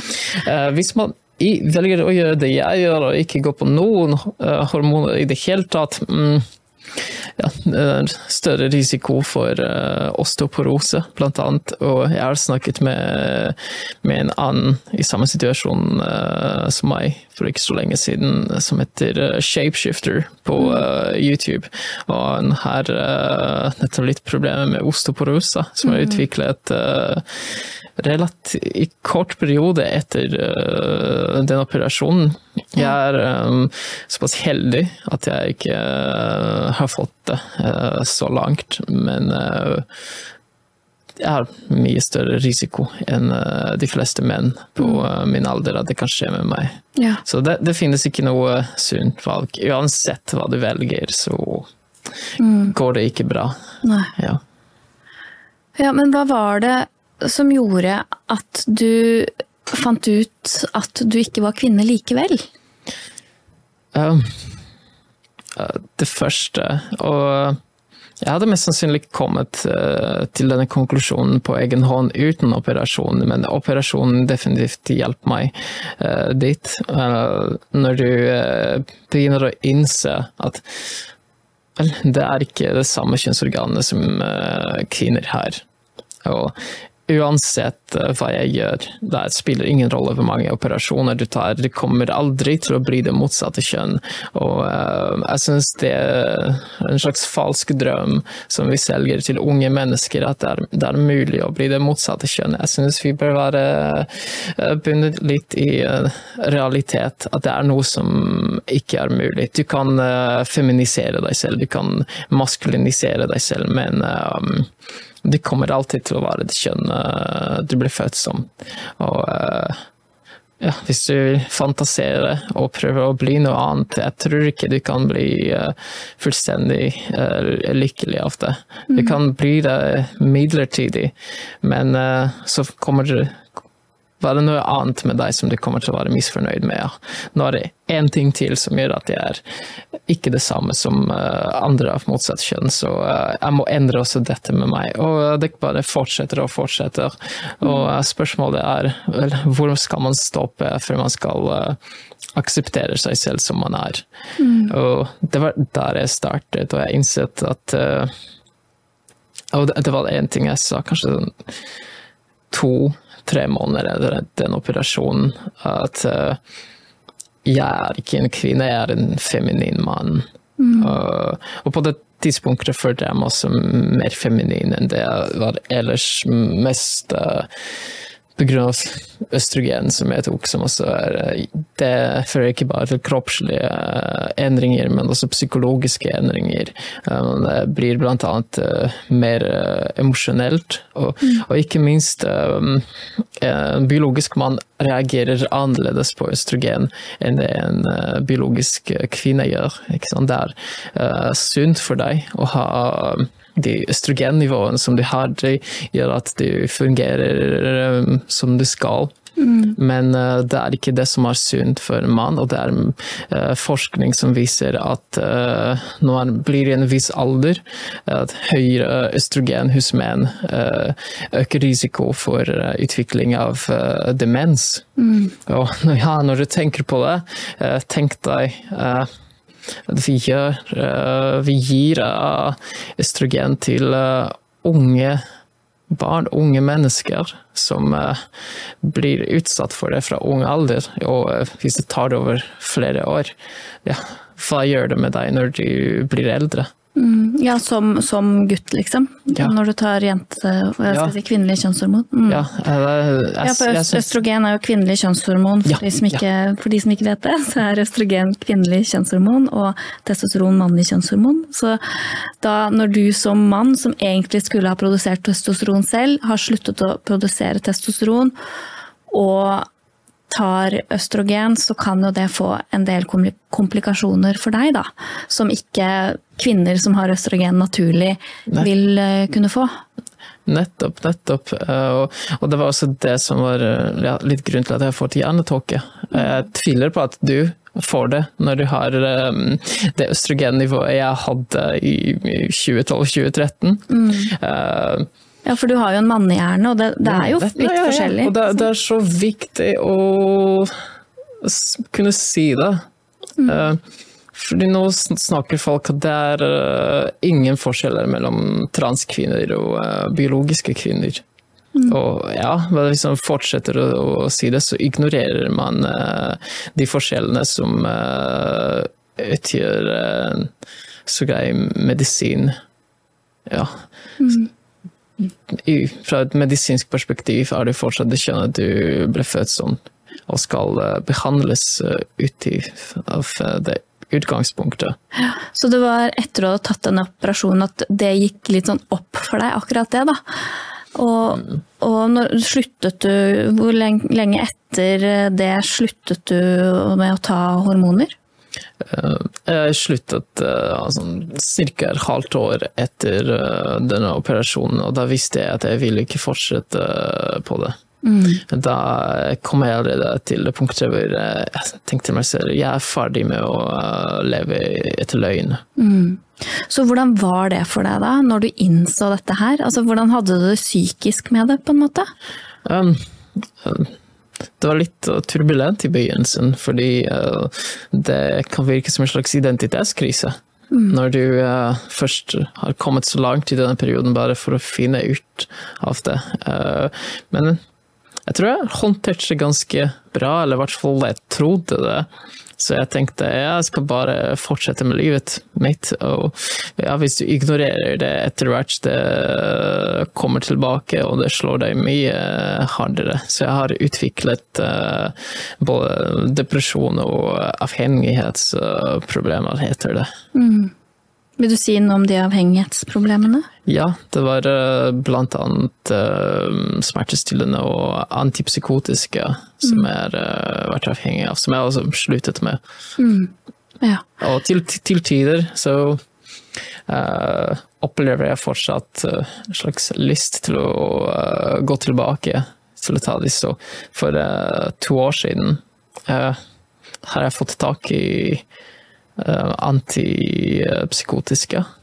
Hva slags antipsykotisk? Ja, og det er jo, for de som ikke vet det, i store doser så er det for de som har en psykotisk lidelse. Altså psykose er jo typ det man har mye av når man har schizofreni, f.eks. At man ser og hører ting som ikke er der, og at man har en annen virkelighetsoppfatning enn folk flest. Da. Og i små doser så er det noen som tar det for søvn, f.eks. Sånn at det, ja, det, det, er litt sånn Ja. Så folk skjønner litt hva det handler om, da. Ja. Ja. Og jeg personlig har aldri hatt schizofreni, men det var rett og slett noe som hjalp meg å dempe alle mine følelser og alt. For det var mye lettere å håndtere det Ja. når det er så mye. Um, Så ja, jeg har kjøpt Kutiping en gang til etter at jeg slutta med det. Og uh, jeg satt i en park ved vannet, det var på Sognsvann, og uh, jeg holdt i den posen med de tablettene jeg tror jeg satt der sånn tre-fire timer og bare så på det. Og uh, det var en slags sånn intern kamp, intern konflikt uh, mellom meg selv og meg selv. Mm. Uh, til slutt så endte jeg opp med å kaste det inn i vannet. Så hvis noen føler seg for å ta en tur i Sognsvannet og gå under vann der og finne den, da får du en hundrelapp fra meg og en ballong. Nei, ikke, ikke, ikke gjør det, folkens. Ok. Men ja, nei, så, ja, sånn at du Det var for å dempe et sånt ubehag i, i deg, at du tok Det hjalp deg til å liksom få bort noe av disse, dette ubehaget, disse vonde følelsene som du kjente på når du innså da at jeg kommer aldri til å bli en ekte kvinne, og jeg kommer aldri egentlig til å være helt tilfreds i den kroppen jeg nå har fått, da, på en måte. Um, men hvis du nå uh, ser til ja, når du Oppsøkte du noen gang hjelp da for disse vonde følelsene? Fordi det, det må jo ha vært veldig tøft for deg, og din mestringsstrategi var å ta medisiner, men, men forsøkte du å kontakte noen? Fikk du noe psykologhjelp eller noe sånt? Uh, jeg har fortsatt blitt avvist av DPS uh, flere ganger etter operasjonen. Akkurat som jeg er blitt avvist i begynnelsen når jeg kom til Norge. Okay. Um, men jeg klarte å komme meg til DPS i 2021. Mm. Det var egentlig sent 2020 Ja. der vi skrev henvisningen. Og da måtte jeg vel ikke nødvendigvis lyve, men kanskje farge litt på virkeligheten. Hvor mye av selvmordstanker Ja. jeg har, for å kunne komme meg inn. Så jeg, ja, jeg måtte faktisk si det for å kunne få noe behandling. Og da jeg kom inn, de var mer opptatt av å stille meg så mange spørsmål som var satt på forkant, framfor å forholde meg, seg til meg selv som et individu, individ, som er Ja. mine egne individuelle utfordringer. Så det er sånn by the book-type behandling, og 90% av den tiden på DPS tilbrakte jeg nettopp på det. Og besvare spørsmål om, som skulle finne ut om jeg har angst eller depresjon, og personlighetsforstyrrelser. Så det var bare mot slutten av mitt tidspunkt i, hos DPS det jeg faktisk begynte å snakke om noe som faktisk um, har en betydning. Mm. Og det med mitt fortid, um, kjønnsskifte, det har vi bare nevnt i en av de timene. Mm. Uh, det var ingen uh, snakk om det. Og så måtte jeg avslutte hos DPS, fordi uh, det er så begrenset hvor lenge du kan få behandling, for det er mange som søker inn, og de har ikke nok uh, som arbeider der for å kunne behandle mennesker, rett og slett. Så ja, det helsetilbudet er helt i bunnen, vil, Ja. jeg, eh, vil jeg si. Så oppsøkte jeg privatpraktiserende privat eh, psykolog, og det koster selvfølgelig litt mer. Eh, Men jeg tenkte at ja, dette blir verdt det, selv om jeg bruker litt eh, ekstra penger på det. Ja, Så det var den helt privat, da? Det var ikke en sånn avtalespesialist som Nei. du bare betaler en egenandel, men du måtte betale alt selv? Ja. Og, og da, i vår første time, her altså snakket om eh, at min fortid med mobbing, og eh, hvordan jeg har utviklet eh, tanker om at jeg ønsker å bli en kvinne, det, og at jeg har gått gjennom prosessen og har angret. Og eh, hun så bare Ja! Ja! Ja! Uff. Ja, det måtte, det måtte være vanskelig. Og eh, etter det fortsatte jeg altså, to-tre timer med henne, og hun har aldri nevnt det igjen. Eh, Vi har snakket litt om eh, kosthold og søvn og trening, men det har blitt veldig klart for meg at uh, hun hadde ikke noe ønske å snakke om det. Uh, Fastlegen min hadde ikke noe særlig ønske å uh, snakke om det heller. Det var som et tema som ikke finnes. Og, vel, jeg kan spekulere, for, for jeg tror det er. Og, uh, det er et litt liksom, komplekst uh, tema, men for det første uh, De vet ikke helt hvordan de skal forholde seg til pasienter som meg, fordi de har aldri blitt opplært hvordan man håndterer en uh, sånn situasjon. Og ikke minst, vel, nåværende narrativet er at man får det bedre etter den type behandling. Så eller, har motbeviser jeg det bare ved at jeg finnes eh, i det rommet. Og noen eh, kan være redd for at de kan, skal kanskje miste jobben hvis de skal eh, behandle en person som mener at det er mulig å bli kvitt uh, kjønnsinkongruens ved å bare jobbe med deg selv. Uh, ja, hvordan skal de behandle en sånn pasient? Hvis de ja, prøver inn på det, så risikerer de å miste jobben sin. Så, Ja, tror, ja. Ja. det, det er jeg litt sånn usikker på om de kan, på en måte. Men ehm, ja, for hvis du hadde kommet til meg, da, så hadde jo ikke jeg trengt å I hvert fall som helt privat, så hadde jo ikke jeg trengt å melde inn noe sted at du hadde disse problemene, på en måte. Men jeg måtte jo ha journalført alt vi snakket om, på et vis, da. Men, men det er jo helt forferdelig at det du opplevde, var at det var ingen som egentlig eh, ga deg god hjelp for akkurat de følelsene knytta til den biten. Da. At det var veldig mye fokus på alt mulig annet, mens det du opplevde at du trengte, var å snakke om hvor vondt og vanskelig det var å angre på å ha skiftet kjønn. Eh, og så var det litt sånn så var det ingen som klarte å, å se deg helt i den smerten på et vis. da.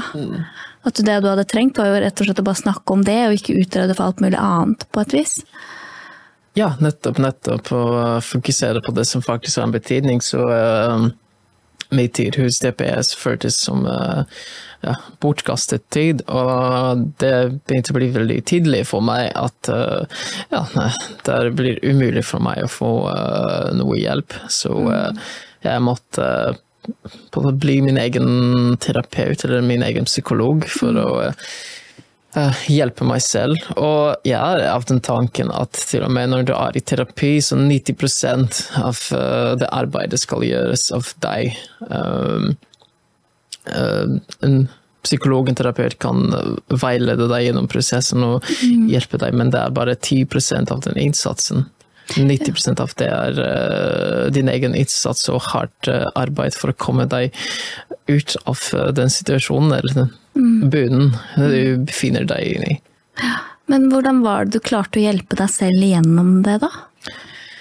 Um, mye altså for, for det første, det å slutte med um, antipsykotiske hjalp meg uh, mye, selv om i begynnelsen så føltes det helt motsatt, fordi da er det mm, mye som slår deg uh, på en gang. Og det, det blir umulig å håndtere det, så jeg ble begravet under uh, alt det som har bygd seg opp over uh, de årene. Og jeg var ikke- i stand til å stå på egne bein på det tidspunktet. Men etter hvert, ja, jeg begynte å reflektere rundt det. Uh, jeg begynte å ta små steg, uh, som å dusje meg. Mm. Nei, det er et tidspunkt der jeg ikke dusjet meg på to måneder. Oi, ja, du har vært veldig såpass, deprimert, da. Såpass. Ja.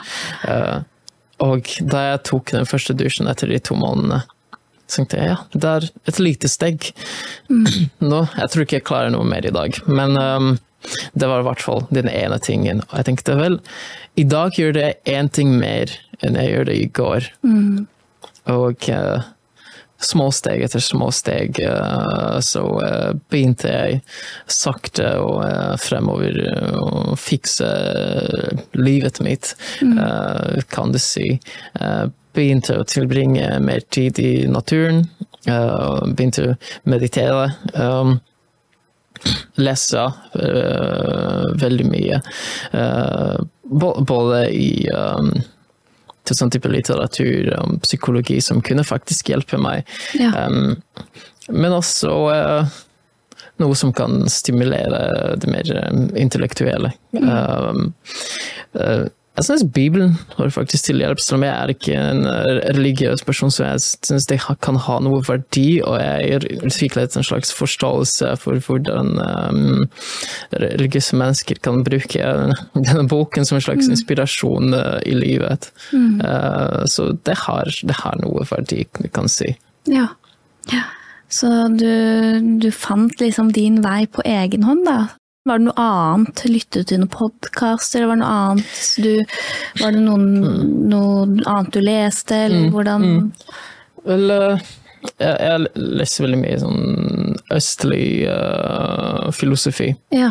Som jeg syns var veldig uh, interessant. Og jeg har tidligere studert uh, filosofi på Ja. universitetet, men det fokus- fokuserer jeg kun på vestlig filosofi, noe som jeg syns er litt skuffende. Fordi det er mye interessant sånn filosofisk litteratur både fra India og Kina og andre, andre steder. der.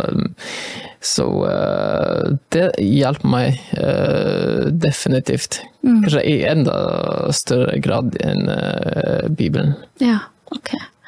Var det noen sånn selvhjelpslitteratur eller noe sånt som du liksom Nei? Nei, nei, men har lest mye om sånn kognitiv terapi og utviklingspsykologi. Ja. Så det, altså det med utviklingspsykologi også hjelper meg å forstå min egen fortid, og Ja. kanskje hvorfor jeg har tatt uh, de valgene jeg har uh, tatt. Mm. I tillegg til alt, alt det jeg nevnte, så uh, kommer jeg ofte innom uh, videoer av uh, Jordan Peterson på uh, YouTube, og, og det var ikke nødvendigvis sånn at uh, jeg er så religiøs på Jordan Peterson at han var den store helten som hjalp meg, men jeg syns at det er mye sannhet i ting han sier, som for eksempel det med ja, rydd av rommet ditt. Og det kan jeg kobler blant annet til det jeg gjør det med ja, sånne små steg som å ta dusjen. Um, og det er en- en annen ting han sa i en video som jeg eh, husker veldig godt. eh, det var at alltid bevege deg framover, og hvis du klarer ikke å gå, eh, bare krabb. Og så lenge du er én meter lengre enn det du var da du begynte, så gjør du uh, noe framskritt. Ja. Og uh, jeg syns det er litt uh, inspirerende og motiverende, og du ser jo at uh, eh, Jordan Peterson har hjulpet veldig mange eh, mennesker ut av eh, forskjellige vanskelige situasjoner i eh, livet. Så uansett eh, om du er enig eller uenig med Jordan Peterson om eh, mange ting, så jeg, jeg syns han er dypest inne en god mann som har hjulpet mange. Mm, så han hjalp deg ved en del av disse tingene han sa for å komme deg ut av den depresjonen du, du var så dypt nede i? Eller bidratt til, Ja. uh, til en viss grad, definitivt. Altså, hjalp meg definitivt mye mer enn uh, DPS, Mm, ja, ikke vil sant. jeg si.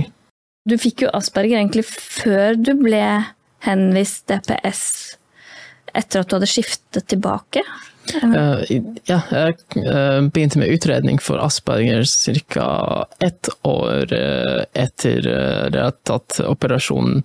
Og jeg levde fortsatt sosialt som en kvinne, men jeg gikk ikke lenger på hormoner. Men ja. Mm.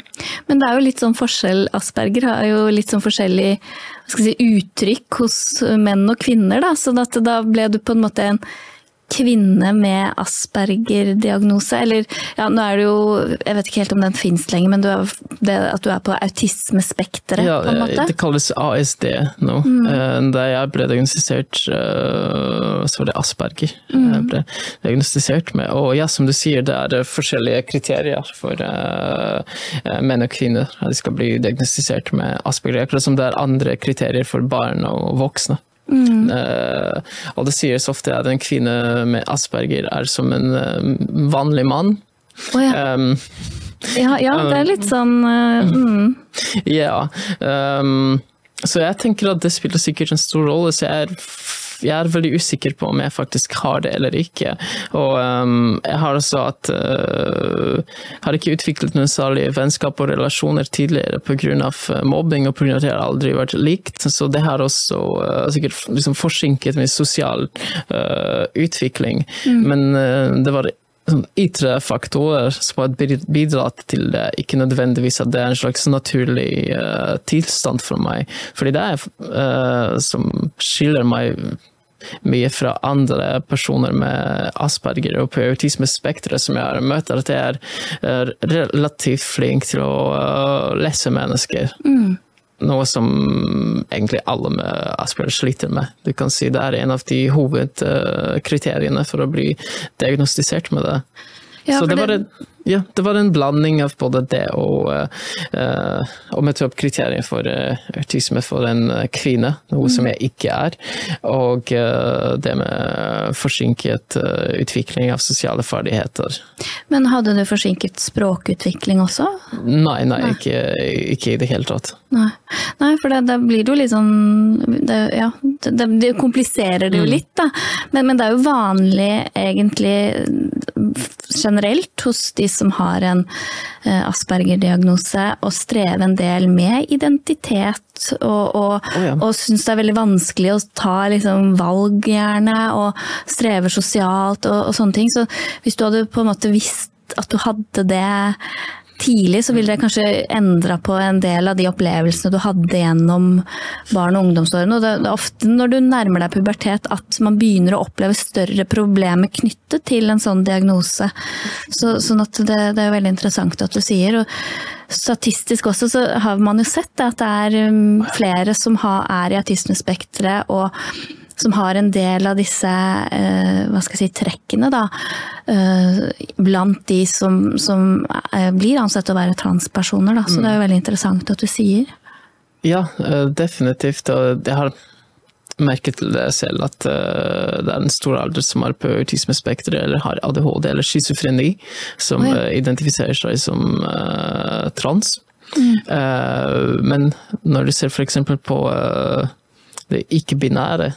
Eh, så eh, tenk på den eh, diagnosen som heter borderline personlighetsforstyrrelse. Eller på norsk heter det noe sånn overfølsomhetssyndrom. Emosjonell ustabil ja, ja, ja, ja, ja, ja. ja, De også strever jo gjerne en del med identitet, ja, men det, det, betyr jo ikke nødvendigvis at det, det, de har en eh, kjønnsinkongruens, men det kan jo være ikke, ikke, at det forekommer oftere, er det det du sier? Eller? Ja, ikke, ikke, nødvendigvis, men at mm, vel, en av symptomene av uh, den personlighetsforstyrrelsen er annet uh, ustabil identitet. Mm. Og uh, jeg har møtt flere ikke-binære som også hadde borderline i tillegg. Ja, okay. Som har blitt diagnostisert med det, eller som jeg er oppfyller kriterier på eh, mange andre måter.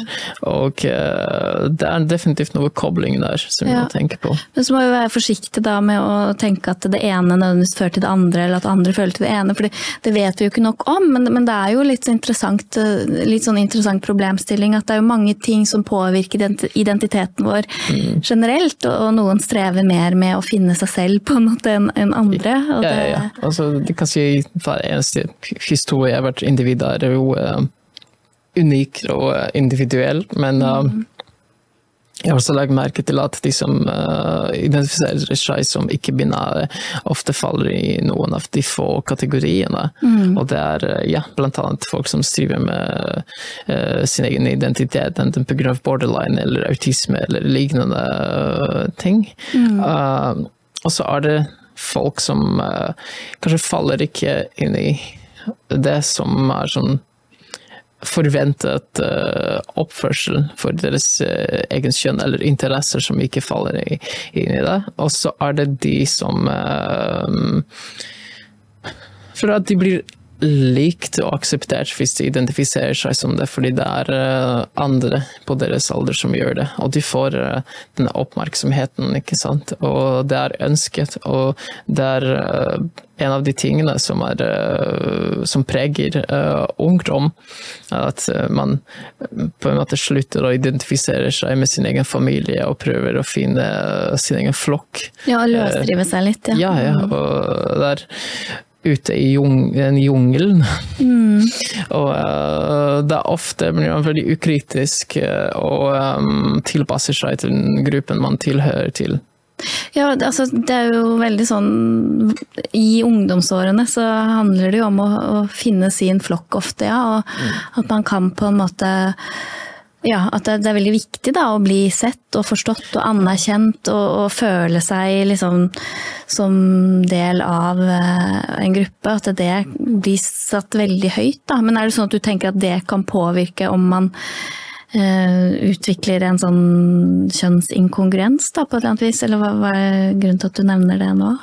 Jeg, jeg, jeg syns litt sånn sosial smitte Ja. eh, spiller definitivt en uh, rolle der, som kan være en stor forklaring hvorfor uh, det er en økt uh, tilfelle av unge mennesker som søker kjønnskorrigerende behandling. Ja.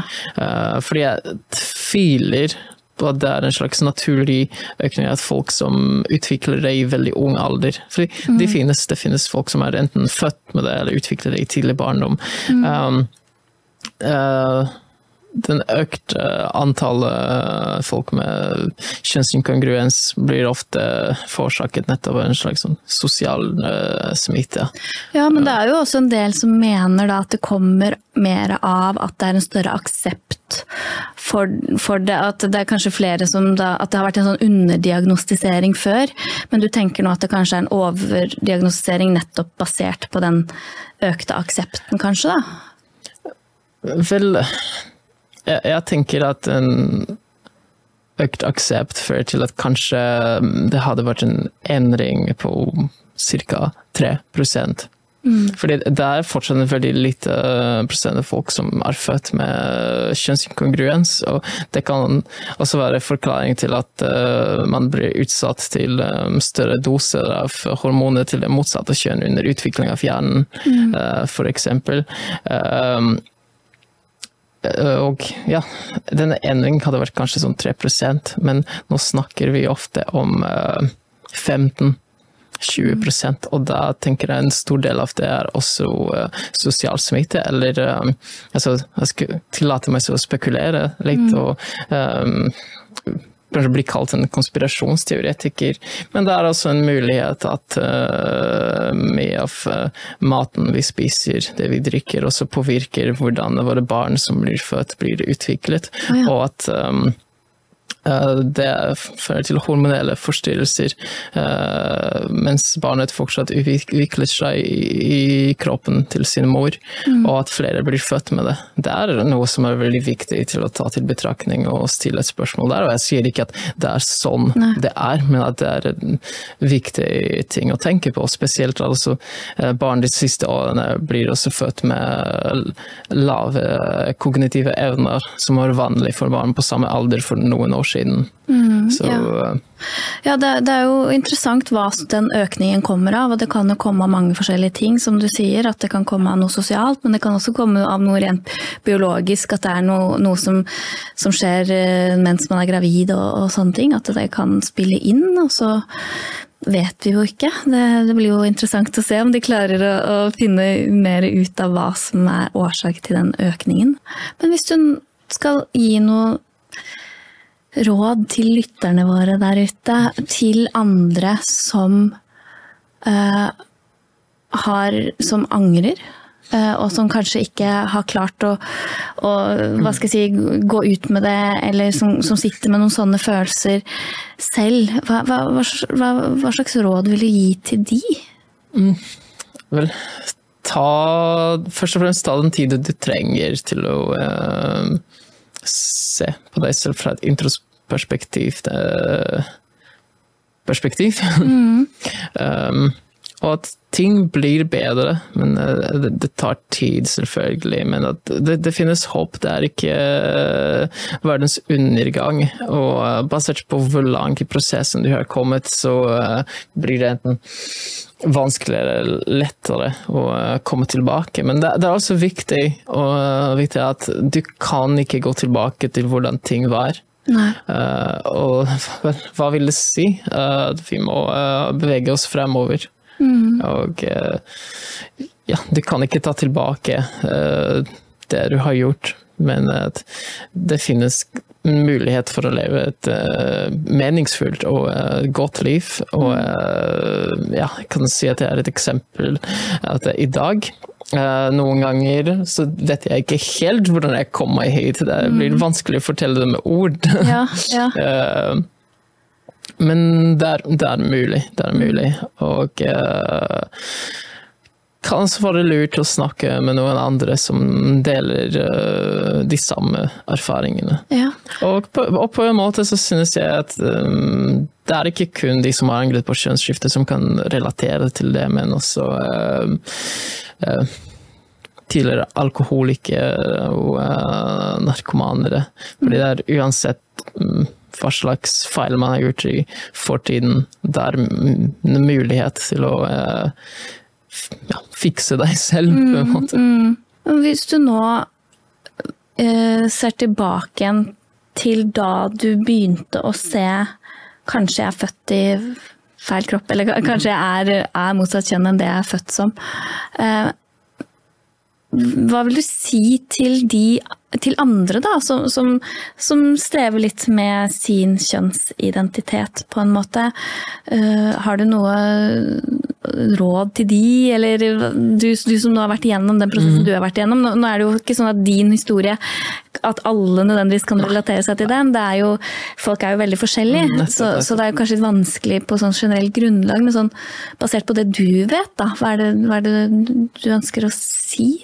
Eller jeg syns det viktigste er eh, vel vær ærlig eh, med deg selv. Uh, vær ærlig om hvorfor du ønsker å bli det motsatte kjønn. Fordi jeg vet veldig godt hvor lett det er å overbevise deg selv om mm. noe som er feil. Og til det punktet hvor det begynner å virke som en ekte mm. grunn, en ekte tanke, og uh, ikke minst um, Vær forsiktig med å utforske identitet på egen hånd. Uh, uten pubertetblokkere, uten hormoner, før du er 100% sikker på det. Mm. Uh, ta, ta, den tiden. Mm. Ja. Og Men nå når du har kommet ut, når du har laget en YouTube-video eh, hvor du forteller om alle disse tingene, hva, hva, slags Hva slags erfaringer har du med det? Altså, er, det er det noen som har kontaktet deg? Er det ja, på godt og vondt, egentlig? Mhm. Hvordan, hvordan har det vært?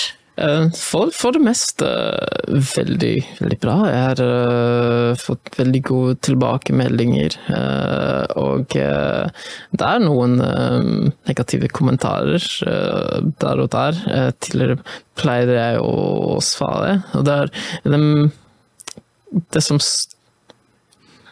er mest synlig for meg, er nok eh, kommentaren at um, bare at du opplevde det du opplevde, betyr ikke at det er sånn for alle.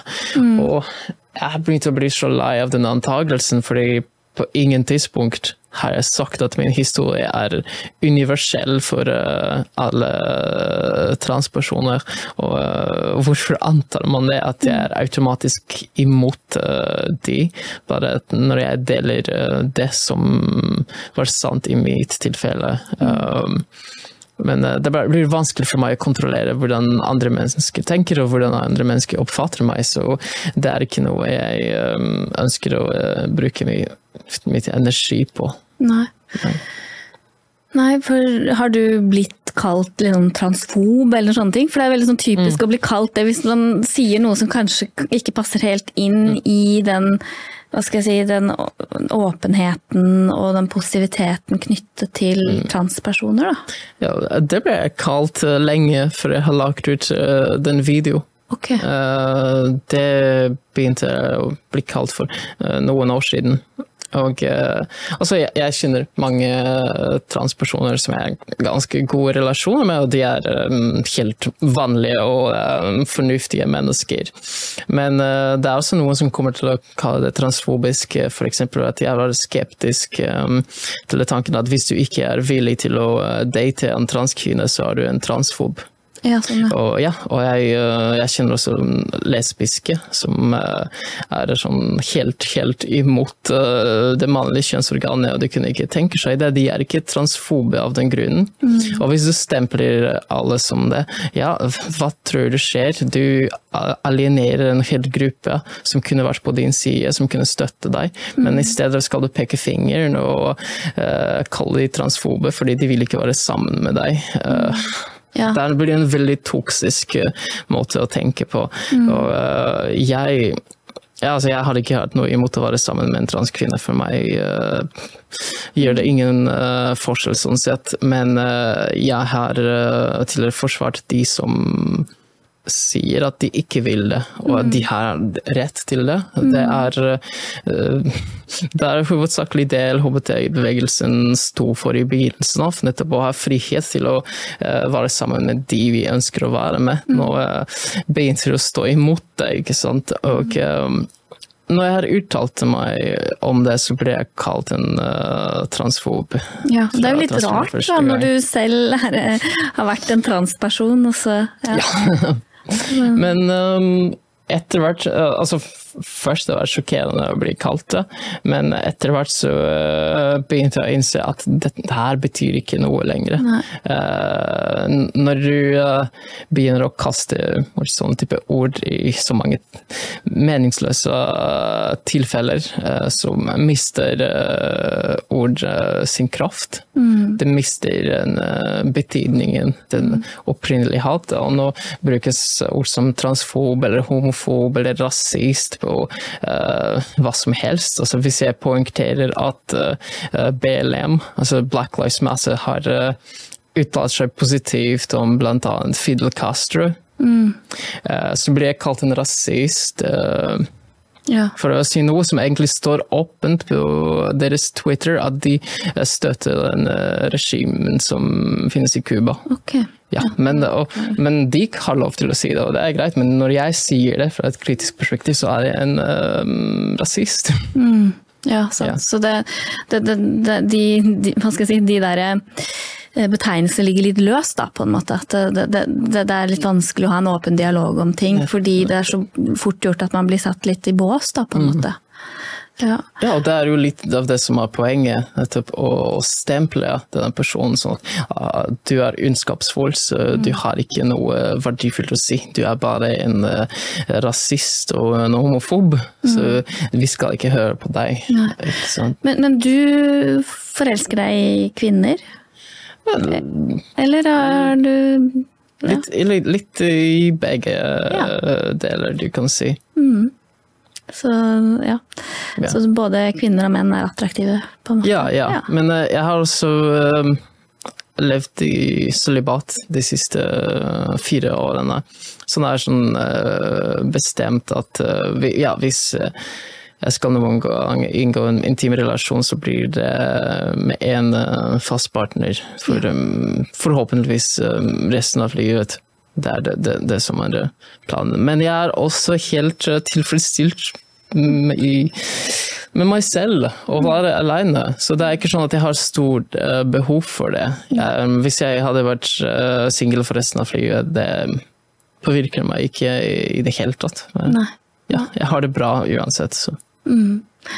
Ja, så bra. Altså, det høres ut som at du, du har liksom funnet litt din vei i livet. Det, det har vært veldig kronglete på veien hit, men, oh ja, oh ja. men, eh, men du har liksom klart å, å finne tilbake til deg selv på en måte.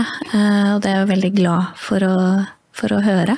Men hvordan er det nå? Har du har det blitt registrert noe sted at du har tatt disse operasjonene, og, og har det blitt registrert noe sted at du har skiftet tilbake, eller hvordan, hvordan fungerer det? Vel, eh, det, det er nok um, registrert et sted i pasientjournalen at jeg har hatt den operasjonen siden uh, Det var Benestad som skrev rapport til til fastlegen min. uh, Etter at du hadde operert? Ja, ja, ja. Men uh, det står ikke noe stati i statistikkene så står det ikke noe på meg, jeg har angret om det. Og selv om jeg bytta navnet mitt til Alexander etterpå, Eh, så er det bare navneendring som er registrert i registeret, men ikke kjønnsendring. Eh, Så det står ikke noe informasjon om det at eh, jeg har angret. Og eh, det er ofte sånn at det blir registrert bare hvis man er i det, under en offentlig behandling hos Rikshospitalet. Og eh, som regel hvis man angrer også under perioden mens man eh, er i den prosessen, eller rett etter. Hvis du angrer eh, og, eh, og går tilbake til ditt opprinnelige kjønn noen år etterpå, det blir ikke nødvendigvis registrert, så det er mest sannsynlig flere der ute som ja. er i denne situasjonen, som blir ikke registrert. Ja. Og da er det ikke rart at eh, noen påstår at det er sånn veldig, veldig liten tall eh, som angrer. Men eh, det finnes forskning som sier at det er i løpet av de første fire år så er det 30% cirka som angrer. Og det som er interessant, at hvis man begynner først på pubertetblokkere i veldig ung alder, så har man eh, mye sannsyn- større sannsynlighet til å fortsette på eh, hormoner enn hvis man starter med det i voksen alder. Oh, ja. Og det, det er interessant, fordi det er også transaktivister som påstår det, at eh, de fleste som begynner på pubertetblokkere, fortsetter også på hormoner. Og de har rett i det. Ja. Um, men vi må også stille kritiske spørsmål. Hvorfor er det? Eh, Hvis du um, blir uh, Jeg vil ikke bruke ordet indoktrinert, men uh, når hjernen din allerede skaper et bilde av deg selv som en transperson på en så ung alder, blir det mye vanskeligere å bli kvitt det enn hvis du gjør det som en uh, voksen person. Det er for samme grunn at uh, det er så mye vanskeligere for folk å bli kritisk til sin egen religion de vokste opp med fra ung alder, eller hvis de eh, vokste opp allerede i en bestemt politisk eh, ideologi, så er det mye vanskeligere for deg å se kritisk eh, på mm. dette. Ja. Ja, så det er litt det at øh, Og du går jo også glipp av den der sensitive perioden puberteten faktisk er, da, hvor mye av kjønnsutvikling, identitetsutvikling, seksualutvikling faktisk skjer. Så når du har gått glipp av den perioden, så, så er du også gått glipp av en del av den utviklingen som er normalt, da, på en måte. Eh, At alle gjennomgår hvis man ikke utsetter det, eller ja, blokkerer det, på en måte. Eh, Og, og man, selv om man da slutter på disse, så, Så ja, det, det, er litt sånn det, det, er ikke så, så tydelig da hva det gjør, for det, det er jo Ja.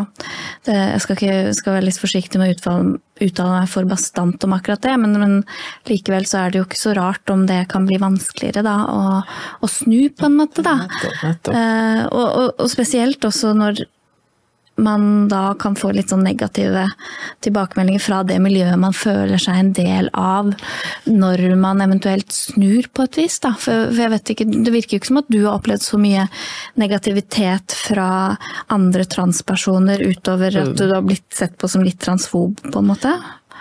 Ja, men jeg har heller aldri vært en del av uh, transmiljøet. Og for meg det har aldri vært en ideologisk ting. Uh, så det var mer sånn at uh, Men jeg har blitt så desperat da jeg var ung pga. mobbing at det føltes som at jeg druknet. Mm. Og i en slik situasjon um, hvilket som helst alternativ som kan redde deg fra den situasjonen, er bedre enn å drukne. Mm. Så tenkte jeg at du tar på roser, som du vet kommer til å uh, såre deg i hendene. Mm. Men det er fortsatt bedre enn å drukne. Mm. men det har aldri vært sånn at jeg har en slags politisk tilknytning til det å være trans. jeg har aldri vært det. Jeg har egentlig vært sånn litt uh, apolitisk når jeg var yngre, men samtidig har hatt uh, sånn sterk sans for familieverdier. Uh, men pga. at jeg var apolitisk, blir man automatisk ansett som mer liberal, spesielt når man også har androgyn utseende i voksen alder. Så det er en antakelse man lager. Så når det først um, begynte å være mer ærlig og mine egne meninger. Og når jeg faktisk utviklet interesse i uh, politikk, uh, det var litt sjokkerende for mange, og de trodde at uh, noe drastisk skjedde der. Det har blitt en slags ytre høyre um, ekstrem. Mm. og at jeg um, blir sett på som forræder for den venstre side. Og jeg, tenkte, og jeg, tenkte, jeg har aldri vært på deres side. Jeg har aldri sagt at jeg er på noen som helst side. Jeg bare mm. sier det jeg synes er egentlig mest uh, logisk og um, mest um, rasjonelt. Jeg fikk jo vite om deg på i-nyheter. Det var etter at uh, den videoen hadde blitt lagt ut på YouTube. Men, men, har du blitt kontaktet av noen andre medier i etterkant av at du la ut den filmen? Uh, ja. Jeg har blitt kontaktet av uh, ganske mange av de, faktisk. Dagbladet. det var Dagens Uh, og VG er en av uh, eksemplene mm. av medier som har kontaktet meg. Og uh, tidligere så tenkte jeg å gå til en avis selv, men uh, det fant ut at um, ja, videoene mine har fått så mye oppmerksomhet, så forsto jeg fort at de mediene har mer å tjene å intervjue meg enn at jeg har å tjene på å bli intervjuet. Uh, og da tenkte jeg at uh, vel, jeg har denne makten til å si nei. Mm. Og uh, da begynte jeg å finne ut hva er det de uh, vil gjøre med denne saken. Sånn at uh, det skulle også være interessant for meg, og mm. hvordan de vil uh, framstille det. Og det er sånn jeg har bestemt meg for at jeg skal uh, samarbeide med VG. Så ja. det er både en artikkel i VG som kommer ut, men også en podkast som jeg har vært med. Ja. Så det var liksom viktig for deg at eh, du fikk formidla det som var viktig for deg å formidle, da. Så det var liksom viktig hvem du snakket med. Og du tenker at mm. VG er liksom eh, noen som vil kunne vinkle det på en sånn måte som kjennes litt sånn ok ut for deg? Ja, ja, og uh, ikke minst um, Det er ikke så ofte at historier som min egen blir fortalt i mm. sånn mainstream media. Mm. Det er som regel Sånn litt lengre inn på høyre at noen eh, tar seg for det, men da er det et uh, problem, fordi det er de som leser, og det er som regel folk som har allerede uh, interesse og, uh, i denne tematikken og kunnskap om det, så du når ikke flere mennesker. Mm. nå har vi faktisk en mulighet til å opplyse flere om eh, de negative bivirkninger av eh, hormonell behandling, annet. Og eh, det mener jeg er en god ting, fordi det kan bidra til flere endringer i samfunnet. Mm. Ja, så bra. Og da er jeg veldig takknemlig for at du ville komme til min podkast, da. Så det er jo kjempe ja, Bare hyggelig. Nå har vi snakket lenge, du har jo fortalt mye. Det er litt av en reise du har vært igjennom. Fra en ganske vanskelig eh, ungdomstid og skiftet fra gutt til jente og, og vært en kvinne og så tilbake til å være mann. Det har vært veldig interessant å høre på alt det du har fortalt her i dag. Så ja. jeg er så glad for at ting går bedre med deg. Så. Ja, jeg òg. ja, så tusen takk for at du kunne komme hit i dag og fortelle alt dette her. Ja, bare, bare hyggelig.